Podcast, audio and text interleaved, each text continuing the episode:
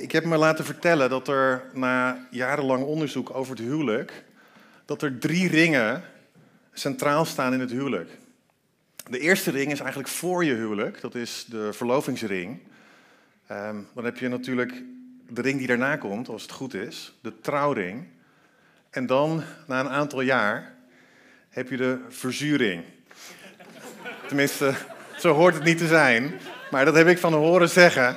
Um, ik, uh, ik denk dat, uh, dat, dat uh, Miek en ik onze relatie redelijk fris houden door iedere week één date night te hebben. We zijn nu inderdaad bijna 19 jaar getrouwd.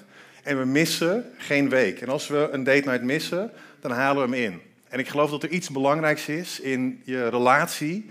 En de relatie met een andere persoon die eigenlijk na Jezus het dichtst bij staat op aarde. Om die levend en fris. En ja, ja dat, dat, dat, weet je, een, een, huwelijk is echt bedoeld om van te kunnen genieten. En ik denk dat het zo belangrijk is om die relatie um, ja, te koesteren. Omdat het, wat ik zeg, de belangrijkste relatie is die we na, direct na um, Jezus kunnen aangaan met iemand anders op deze planeet. En ik wil, um, ik, ik wil met jullie vandaag stilstaan uh, voordat we echt daarin duiken, gewoon Mieke heeft al iets gezegd, bij het thema verbond. En ik weet niet wat je denkt bij verbond. Uh, misschien denk je, ja, verbond, je bent verbonden met elkaar, dat is absoluut een feit. Maar ik denk dat het, het, het onderwerp verbond iets is wat tot, zeg maar, culturen uit het verleden veel duidelijker sprak als het verbond zoals wij dat op dit moment um, kennen en begrijpen. En sterker nog, ik denk dat we iets zijn kwijtgeraakt in de afgelopen jaren, doordat we um, het onderwerp verbond niet meer helemaal snappen. In uh, Malachi 2, uh, en die hebben we de afgelopen uh, periode voorbij horen komen, in Malachi 2 omschrijft de profeet een huwelijk als een verbond. En een verbond is iets uh, enorm krachtigs. Eigenlijk wat je had in oude culturen, um, had je um, twee personen die soms twee stammen vertegenwoordigden en die kwamen bij elkaar. En op het moment dat ze bij elkaar kwamen en ze sloten, of als we het letterlijk vertalen, ze sneden een verbond met elkaar, dan uh, maakten ze een snee in hun lichaam of ze maakten een snee in een dier, daar komen we straks, uh, komen straks op terug. Er vloeide bloed. En op dat moment um, zeiden die twee mensen, we zijn twee individuen, maar vanaf dit moment zijn we niet langer twee, we zijn nu één. Niet langer heb ik problemen of heb jij problemen. Vanaf dit moment, als wij een verbond hebben met elkaar, dan hebben we samen problemen. Niet langer heb ik voorspoed en jij hebt tegenspoed. Nee, als jij voorspoed hebt, jouw voorspoed is mijn voorspoed. En jouw tegenspoed is mijn tegenspoed. Jouw tranen zijn mijn tranen. Jouw blijdschap is mijn blijdschap. Jouw jou, het gaat niet meer om mijn bloei en mijn ontwikkeling. Het gaat om jouw bloei en jouw ontwikkeling. Het gaat niet langer, ik leef voor mij. Nee, ik kies ervoor om in een verbondsrelatie te leven voor jou.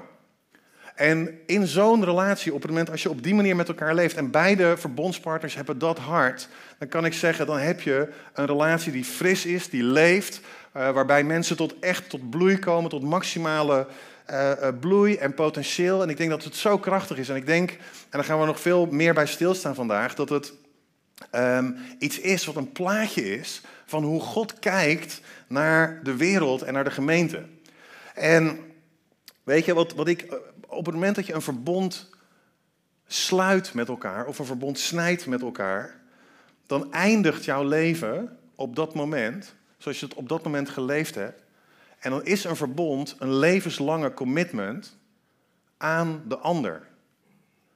En, en wat, wat, wat ze deden is, ze, ze bezegelden dan niet. Wij kennen, tegenwoordig kennen we het contract. Dus een huwelijk wordt vaak gezien als een soort contract. Een contract heeft juridische voorwaarden en um, daar staan bepaalde uh, zaken in. Een verbond is op dezelfde manier, wordt, wordt, uh, heeft, heeft bepaalde voor, voorwaarden. En een verbond heeft bepaalde um, inhoudelijke verplichtingen van um, partij A en van partij B en bepaalde verwachtingen van elkaar.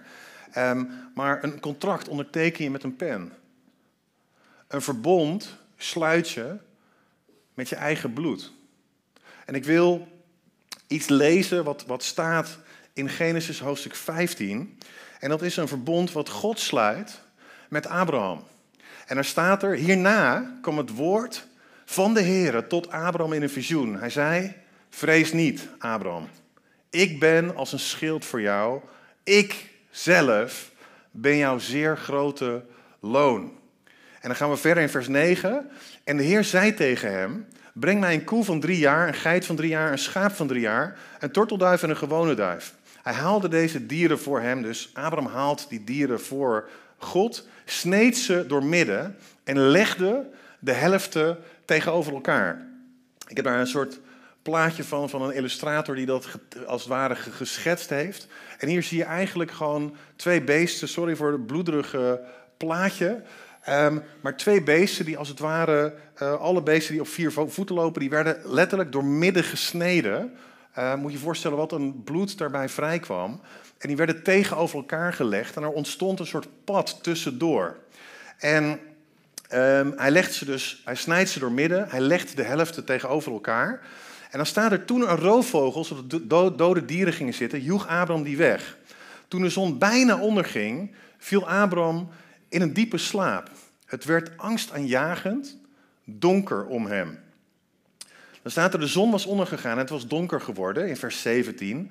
Toen gingen er een dikke rookwolk en een vuurvlam tussen de stukken, tussen de stukken van de dieren door. Het leek op de rook van een rokende oven en op het vuur van een brandende fakkel. Zo staat er, sloot de Heer die dag een verbond met Abraham.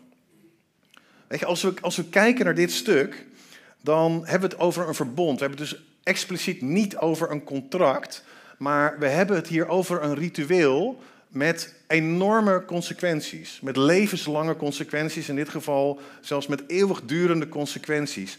En wat er gebeurde was dat ze dus in dit geval twee beesten namen. Die sneden ze gewoon letterlijk doormidden, legden allebei de stukken aan één kant. En Abraham die hoorde die opdracht en die wist meteen instantelijk vanuit zijn cultuur... hé, hey, God is hier iets van plan. God is hier, gaat iets bijzonders doen. God gaat met mij niet zozeer in contract alleen, hij gaat in verbond met mij. In een verbond wat niet gesloten kan of niet gebroken kan worden, tenzij doordat een van de verbondspartners sterft.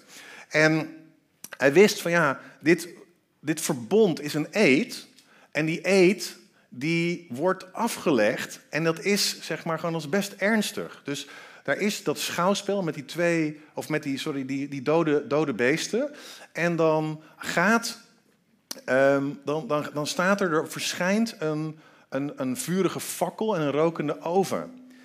En die twee zaken, die zijn symbolisch en die komen ook later in de Bijbel een aantal keer terug. Onder andere als de tegenwoordigheid van God landt op de berg Sinaï en um, en op het moment dat er een vuurkolom voor het volk van Israël uitgaat, die de tegenwoordigheid van God representeert, dat zijn dezelfde, soort woorden, dezelfde soort symboliek wordt hier gebruikt.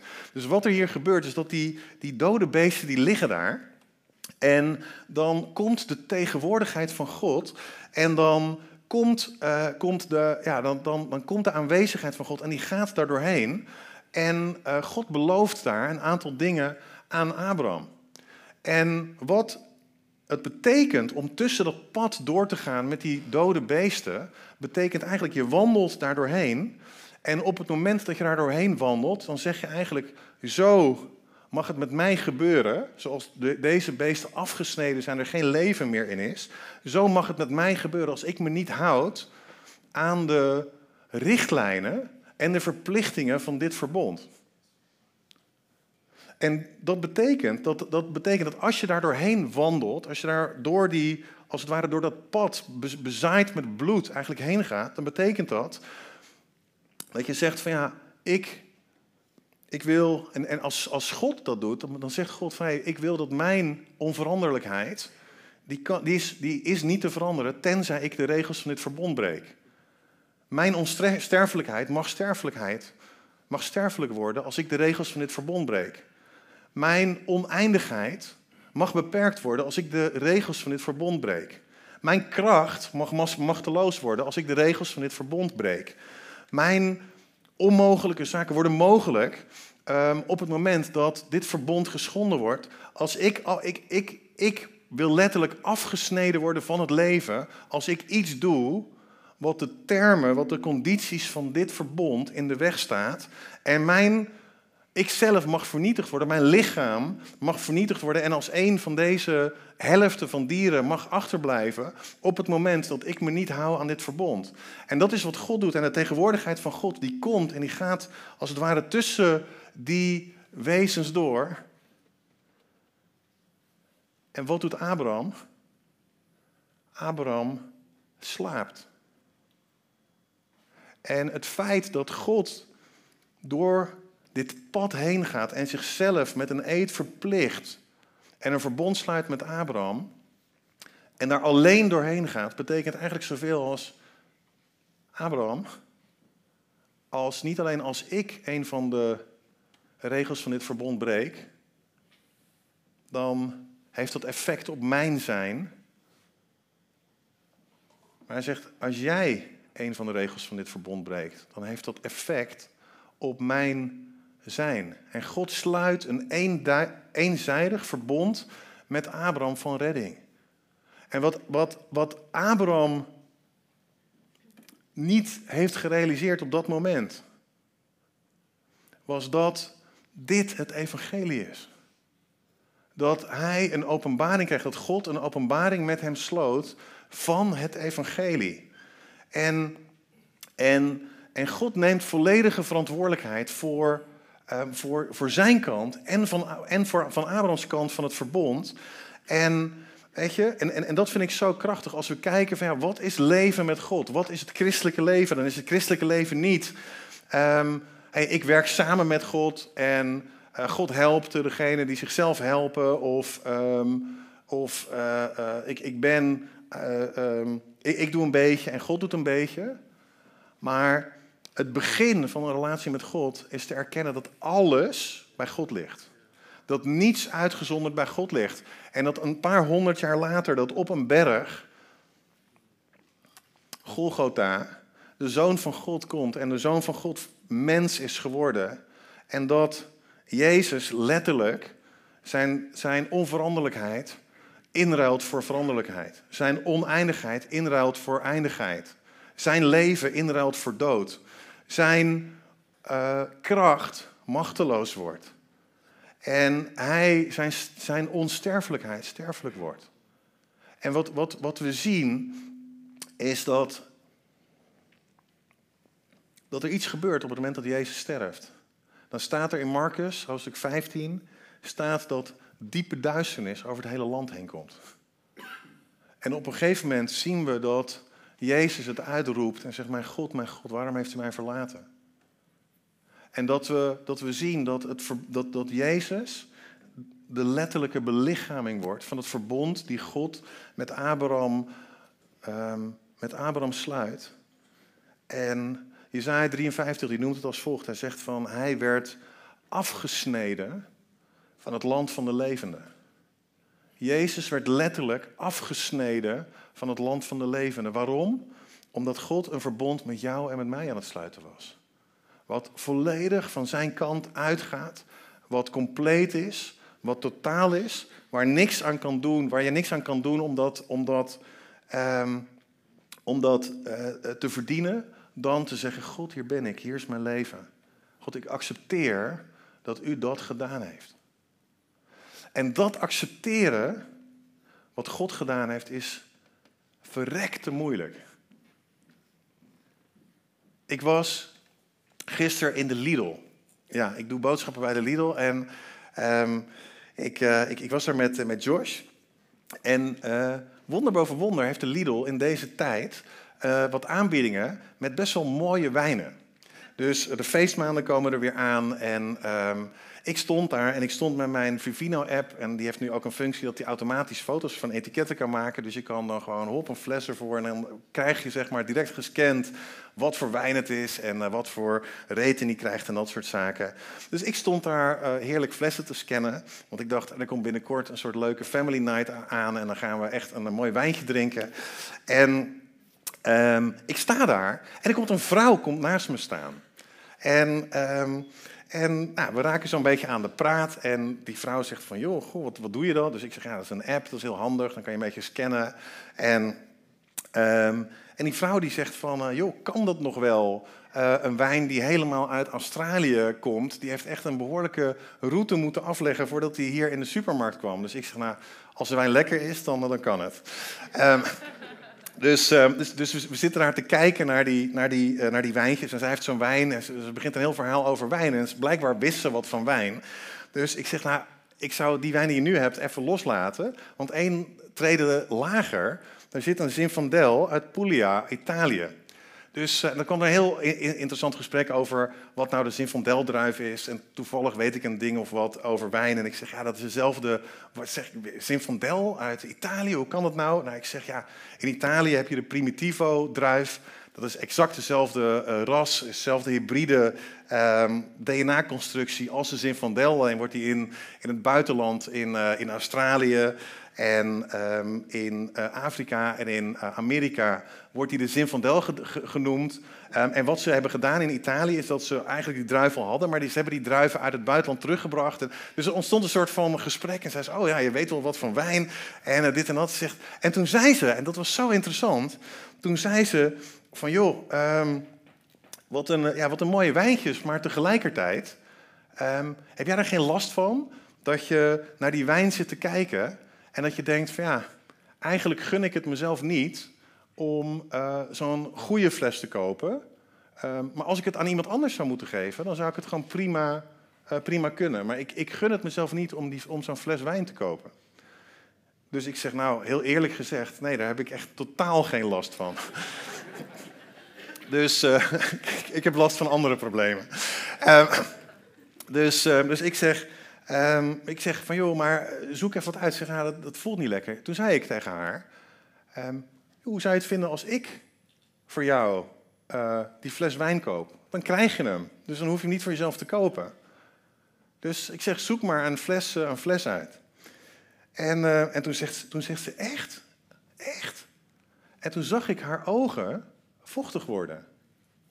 En ze schoot gewoon bijna vol. En ze, toen, toen zei ze van, van, joh, weet je wat dit met me doet? Dus ik zeg, ik heb geen idee, maar zoek een mooie fles, zoek een mooie fles uit. En, um, en, ze zat, ze zat uh, toen zei ze, ja, dat, ik, ik, wil dan ook niet een te dure fles uitzoeken. En toen zei ik, zie je wat je nu weer doet? Je bent weer jezelf naar beneden aan het praten. Weet je wat ik doe? Ik kies de wijn voor je uit. Dus ik heb de beste Amarone, die, ze hebben nu Amarone 4.1 op Vivino. Um, is nog best te betalen trouwens, ik geloof 19 piek of zo. Um, maar ik, ik kocht, ik, ik zei, nou weet je wat, ik koop een Amarone voor jou. Want ze wist niet wat het was, dus ik zei, nou, dat is echt, uh, echt uh, helemaal geweldig. Um, ik, uh, ik, hoe lang ben je nog aan het winkelen? Nou, zeg nog een paar minuten en dan ga ik naar de kassa. Ik zeg, nou, ga jij naar de kassa? Ik ga naar de kassa, ik reken die fles af. En dan spreek ik je zo meteen even naar de kassa. Dus zij zo... Ik weet niet hoe ik het heb, zegt ze. En, en ze schoot weer bijna vol. En toen zei ik tegen haar van, joh, wist je dat God iets in je leven aan het doen is?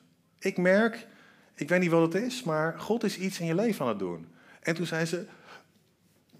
En, en toen, toen, toen dacht ik van ja, als we nu doorpraten, dan begint ze weer kaart te huilen in de Lidl. Dus zij, zij, zij liep het andere pad in. Um, en uh, nou, zij, is, zij is bezig en um, um, op een gegeven moment komen wij bij de kassa en ik zag haar bij die zelfscankassa's en we ontmoeten elkaar.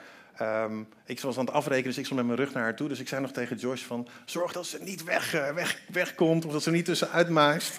Eh, ik heb nu die fles voor haar gekocht. Dus, um, dus, en we ontmoeten elkaar na, na afloop even. En, en toen kwam ze naar me toe en ze, ze, ze, ze was weer gewoon heel erg geraakt. En ze zei van, wist je dat dit voor mij een levensveranderende ervaring is? En, en ik zat een beetje leven. Ik, ik zei, joh, ik geef je um, een fles wijn. Maar wist je dat er iemand is die nog veel meer aan jou gegeven heeft, die nog veel meer van je houdt. En dat Jezus enorm veel van je houdt. En ik zag dat ze aan het vechten was tegen haar tranen. En toen zei ze, ik zat vandaag in de auto en ik zat te bidden en um, ik ben God eigenlijk kwijtgeraakt. En ik zat vandaag na te denken van, joh, misschien moet ik weer wat met geloof, misschien moet ik weer wat met de kerk. Maar ik, ik wist niet wat het was. En nu kom ik jou tegen. En deze verandering dit betekent echt iets in mijn leven. En, en, en ik dacht van, mensen, kinderen, wat, zo'n simpel gebaar. Um, maar wat, wat is er mogelijk als we een hart hebben en een hart houden om gewoon van mensen te houden, maar ook om mensen uit te nodigen om van God te kunnen ontvangen. Weet je, in, in, in het Nieuw Testament staat er dat als God, weet je, zijn eigen zoon niet gespaard heeft, weet je maar voor ons allen heeft overgegeven, zal God dan niet met hem ons alle dingen geven?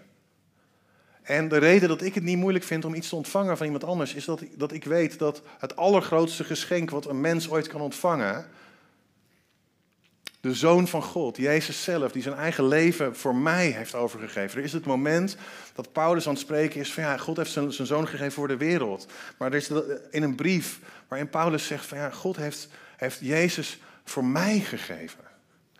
En op het moment dat je dat ontvangt en op het moment dat je dat weet en op het moment dat je weet van ja, Jezus is niet alleen voor de wereld gekomen, Jezus is voor mij gekomen. Hij heeft alles, um, heeft hij voor mij neergelegd. En dan is er die belofte dat als God Jezus aan mij gegeven heeft, dan zal hij mij met Jezus ook alle dingen geven. Daarom vind ik het nooit moeilijk als iemand naar me toe komt, hey Kees, ik wil je zegenen. Dan denk ik, yes, kom maar op. Geen enkel probleem. Geen enkel probleem. Want ik weet dat ik al gezegend ben. En ik vind het niet moeilijk om zegen te ontvangen, omdat ik weet dat de allergrootste zegen die ik ooit had kunnen ontvangen, die heb ik al gekregen. Dus kom maar op met die zegen, Heer. Kom maar op. Ik had ooit de broer van um, wat gast hier in, in, de, in de gemeente, uh, stond ik mee in de quote en die zei, als God mij een vliegtuig geeft, dan vlieg ik erin. En toen dacht ik, ja baby, wat een, uh, wat een goede quote. Ik dacht, uh, ja, dat, dat is het. En, en ik denk dat we soms het evangelie zo klein maken. Het offer van Jezus zo klein maken. En dat we ergens vergeten wat de kracht is van verbond. Wat de kracht is die God in verbond heeft gelegd. Weet je, verbond is alles. Jezus uh, uh, die zegt, die, die, als hij aan het spreken is over Abraham, dan zegt hij de God van Abraham, Isaac en Jacob. Met andere woorden, God geeft zegen aan Abraham, maar dat werkt altijd door in de volgende generaties. God is bezig. God is een God die denkt in lange termijn. God is een God die denkt in termen van verbond. God is een God die als hij eenmaal iets beloofd heeft, dat er niks is wat die belofte kan wijzigen of tegenhouden. En God is trouw in die dingen.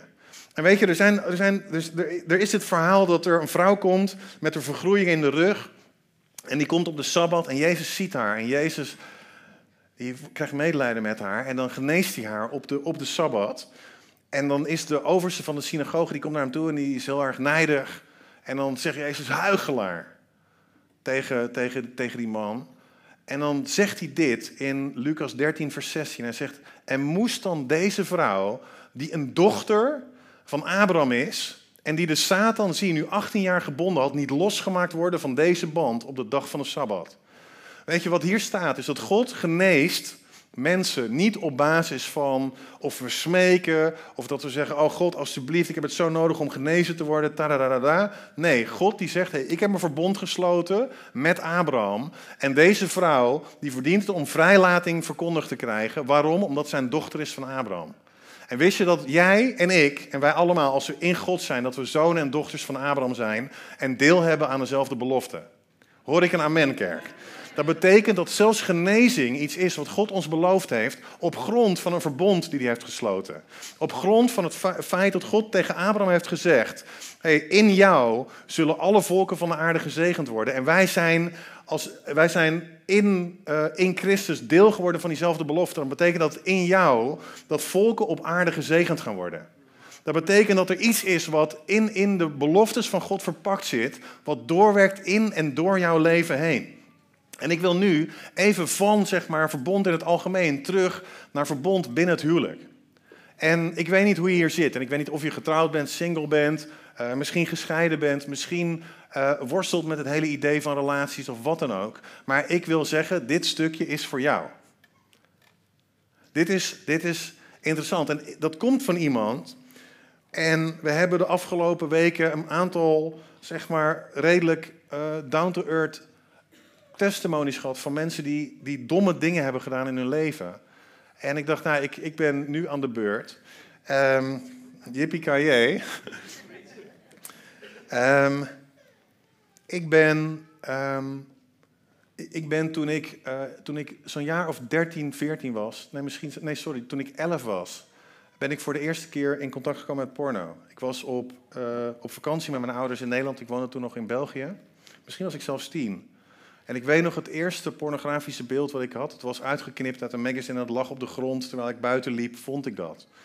En dat plaatje dat ik toen zag, dat brandde zich echt op mijn Netflix. Uh, Netflix, Netflix, Netflix, zo. Netflix. um, dat brandde zich echt op mijn netvlies. En, um, en um, ik zag het en ik, ik voelde van, hé, hey, ik, ik ga nu uh, ik voelde dat ik een soort vuur vast had. En uh, ik, ik, ik, was erdoor geïntrigeerd en ik vond het interessant. En er werd iets in mij wakker geschud na het zien van het eerste beeld. En wat ik, wat ik in de periode daarna heb meegemaakt is dat ik. Uh, toen ik eenmaal naar Nederland verhuisde en ja, we waren een van de eerste gezinnen, in, in, ieder geval in mijn omgeving, die een internetverbinding kregen met een, nog met een telefoonlijn en weet ik veel wat. En ik vond uit hoe ik zeg maar anoniem uh, porno kon downloaden. En ik denk dat ik van, vanaf mijn, laten we zeggen, dertiende tot aan mijn uh, achttiende, ongeveer negentiende, echt muurvast heb gezeten in een pornoverslaving. Die ik iedere dag, uh, soms meerdere keren per dag, gebruikte ik of misbruikte ik pornografie. En, um, en wat dat met me deed, is um, dat mijn hele beeld van seks en seksualiteit behoorlijk verwrongen raakte. Um, en ik, ik weet nog dat ik op een gegeven moment ging studeren in Amsterdam. En ik weet nog dat ik op een gegeven moment op, op, in een soort halfdronken bui terugkwam van een feest in, uh, in de Escape. En ik logeerde bij mijn tante en ik liep naar huis en ik liep over de wallen. En ik was op dat moment uh, maagd. En in die dronken bui uh, besloot ik uh, naar binnen te gaan en verloor ik iets waar ik zo'n spijt van heb gehad, mijn maagdelijkheid, verloor ik aan een prostituee. En ik, ik weet nog wat dat met me deed. Zeg maar, direct na de daad walgde ik van mezelf en um, uh, kwam ik bij mijn tante en werd ik de volgende ochtend gewoon kotsmisselijk van mezelf wakker. En ik dacht van ja, wat heb ik gedaan? Ik heb iets wat zo um, speciaal is, heb ik gewoon verkwanseld hier aan, um, aan een stuk uh, ja, onreinheid. En ik weet nog dat, dat voor mij, ik droeg dat mee. En voor mij, ik droeg dat mee als, een, als één groot geheim. Ik had zoiets van, ja, ik, dit vind ik niet echt lekker als mensen dit van mij uh, weten. En toen kreeg ik een relatie met Nieke. En toen had ik het, de, toen werd de kans op een huwelijk werd behoorlijk uh, intens. Daar hebben jullie allemaal vorige week uh, gehoord.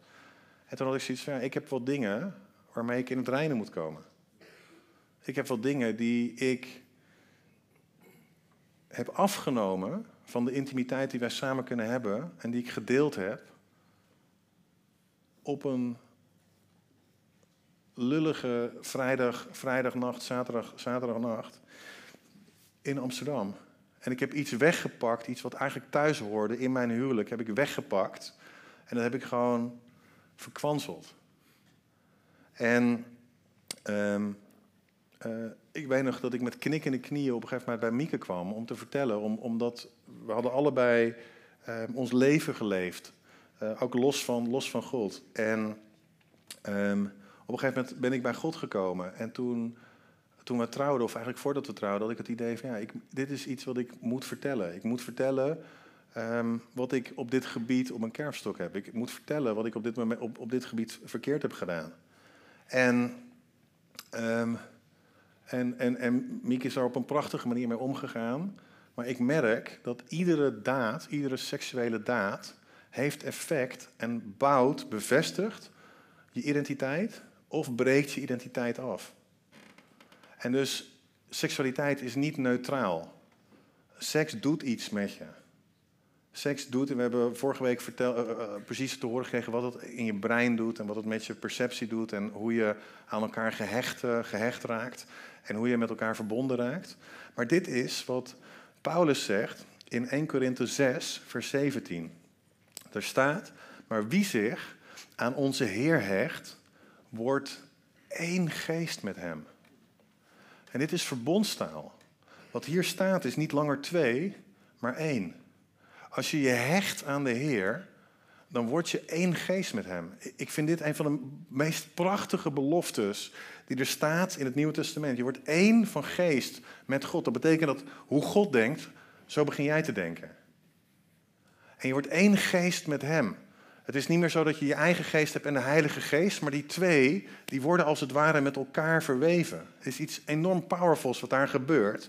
En dan staat er meteen in de context van je wordt één geest met, met God en je, je hecht je aan God. Dan staat er ontvlucht de hoererij. En voor references, hoererij is niet alleen seks hebben met een prostituee. Hoererij is de definitie van alle seks die buiten het huwelijk plaatsvindt. En dan staat er alle zonde die de mens doet, gaat buiten zijn eigen lichaam om. Maar wie hoererij bedrijft, zondigt tegen zijn eigen lichaam. Of weten jullie niet dat jullie lichaam een tempel is van de Heilige Geest die in jullie woont? Die jullie van God ontvangen hebben en dat jullie niet van jullie zelf zijn. Want jullie zijn duur gekocht. Ook dit, dat hij zegt van je bent niet langer van jezelf. In een huwelijk ben je niet langer van jezelf. In een huwelijk behoor je de ander toe en de ander behoort jou toe. En er staat hier, Jezus spreekt dus daarover, over, in een verbondsrelatie over ons. Hij zegt van, hé, hey, jullie hebben de Heilige Geest woont in jullie, hebben die van God ontvangen.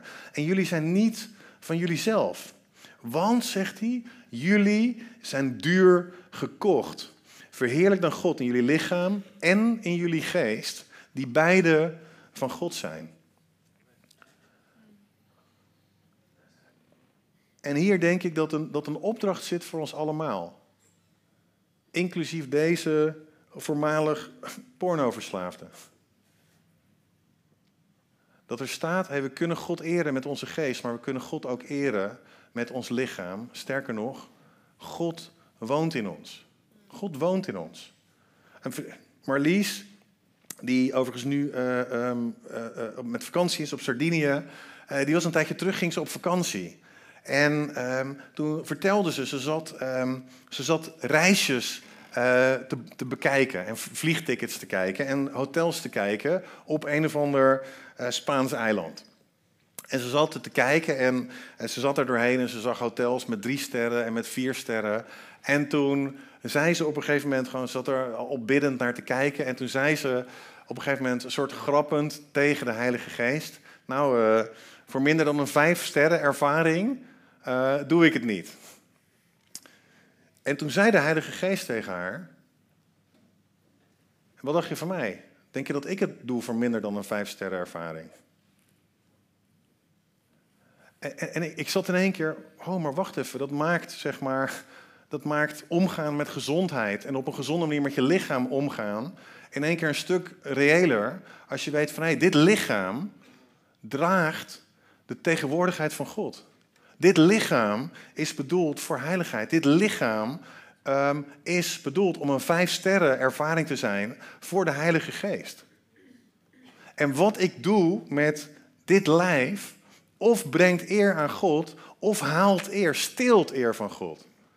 En dus is het zo belangrijk, daarom is het zo belangrijk dat we op een waardige manier met seksualiteit omgaan. Wat is seksualiteit? Seksualiteit, geloof ik, zoals God het bedoeld heeft, als we dat zien binnen de context van een verbond, is iets wat, waarvan twee mensen zeggen van hé, ik behoor aan jou toe, jij behoort aan mij toe. En wij committen onszelf aan elkaar voor de rest van ons leven. En ik geef mijn alles aan jou. Ik geef mijn hele wezen aan jou. Ik geef, ik, er is niks van mijzelf wat ik, wat ik verborgen houd of wat ik achterhoud. Ik geef mijn hele wezen, geef ik aan jou. En ik deel mijn kwetsbaarheid met je, inclusief mijn naaktheid. En het, het is, ik weet dat als je naar films kijkt, dat het als iets lichts wordt, wordt beschouwd om je naaktheid te delen met iemand. Maar je naaktheid delen met iemand is, is extreem kwetsbaar. En je deelt je naaktheid met iemand en je zegt van hé, ik behoor jou toe en jij bent voor mij de enige die het exclusieve recht heeft op mijn naaktheid en niemand anders. Niemand uitgezonderd. En op het moment dat je binnen die veiligheid seks hebt, dan wordt seks een communicatiemiddel. Dan wordt seks het middel om zonder woorden tegen de ander te zeggen: Hier heb je mijn alles. Hier heb je mijn alles. Ik deel dit met jou en ik deel dit met jou alleen. En, en ik, ik geloof dat, ehm, dat God dat bij mij hersteld heeft. Ik sta er niet met een soort vingertje van hé, hey, zo moet het en dit moet je doen of dat moet je doen. Maar ik heb gemerkt wat het heeft gedaan, dat God in mijn leven mijn seksualiteit hersteld heeft. Ik heb gemerkt dat het mij heeft gedaan om, om toen Mieke en ik een relatie kregen, om te wachten met onze seks totdat we zijn getrouwd. Om te zeggen van hé, hey, ik, ik, we nemen het verbond wat we met elkaar gaan sluiten uiterst serieus. En uh, we willen dat we Gods zegen op dit gebied echt meedragen. We vinden het zo belangrijk dat we op die manier met onze, onze seksualiteit omgaan. Dat we, uh, dat we dit nu hebben gebracht onder de heerschappij van Christus.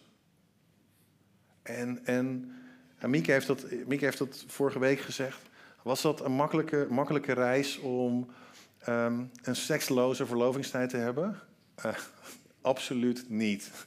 Echt, ik heb uh, af en toe met mijn hoofd bijna tegen de muur zitten bonken om mezelf gewoon uh, in te houden. Maar ik heb Mieke voor de eerste keer naakt gezien um, op onze huwelijksnacht. En ik, heb, ik zag er zo naar uit dat ik geen druppel alcohol heb gedronken op mijn huwelijksdag. Want ik dacht, jongens, ik heb hier gewoon nu echt behoorlijke tijd op ze te wachten. Uh, ik ga 100% alert zijn en 100% present zijn op dat moment. En um, dat was de eerste keer dat ik Mieke, Mieke naakt zag in Grand Hotel Karel V. En nu ga ik voor de rest geen enkel detail meer geven over ons, ons, huwelijk. um, maar ik denk, dat het, ik denk dat het zo belangrijk is om, om mensen te zijn die zeggen van hey, God heeft een verbond met ons gesloten. En God heeft ons leven met zo'n extreme prijs betaald. Ik besef me hoeveel ik waard moet zijn als ik het bloed van Jezus waard ben geweest. Ik besef me uit wat voor ellende, uit wat voor hel Jezus mij heeft vrijgemaakt. Ik besef me dat Jezus alles aan zijn kant heeft vervuld wat ik niet aan gehoorzaamheid heb kunnen vervullen. En dat God mij zijn rechtvaardigheid gewoon gratis gegeven heeft. En um, het enige wat ik kan doen is het ontvangen, maar er ook op acteren en erop reageren.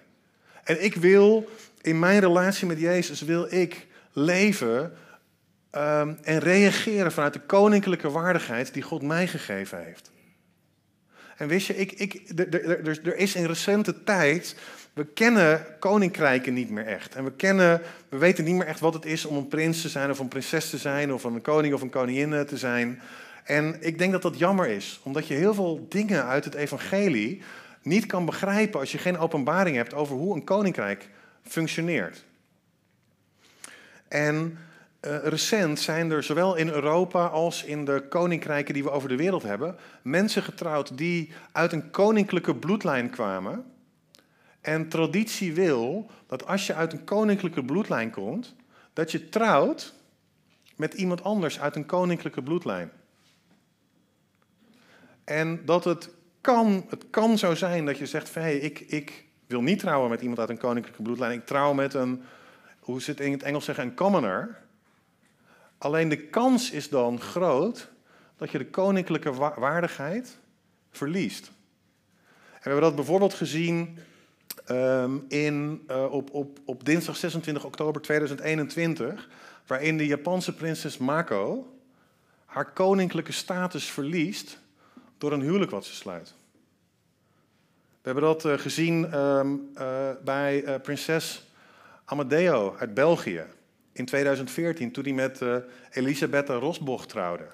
Toen verloor hij zijn koninklijke waardigheid en, um, en verloren ook de kinderen de koninklijke waardigheid en de koninklijke titels waar ze recht op hadden. We hebben dat uh, recent gezien met Prins Harry en Meghan Markle. Die hebben besloten van hey, wij stappen weg onder het Britse koningshuis. Wat betekent dat Prins Harry geen prins meer is.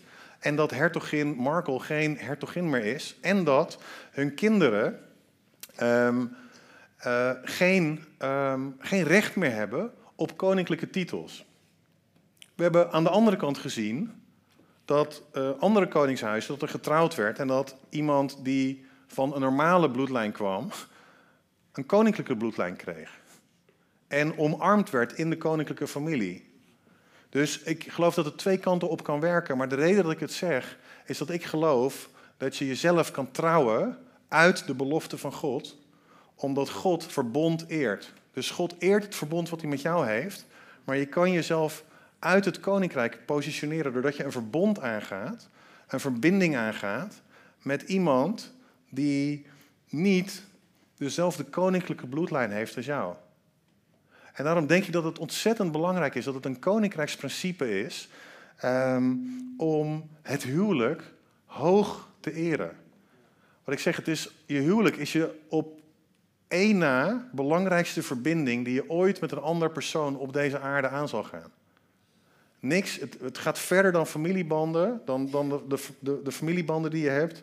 Het gaat eigenlijk verder dan iedere andere, um, ieder ander contract, ieder andere verbinding die je kan hebben. Na je band met Jezus is je huwelijk je belangrijkste, je belangrijkste verbinding. En daarom denk ik dat het zo belangrijk is als gelovige om, om het huwelijk te eren.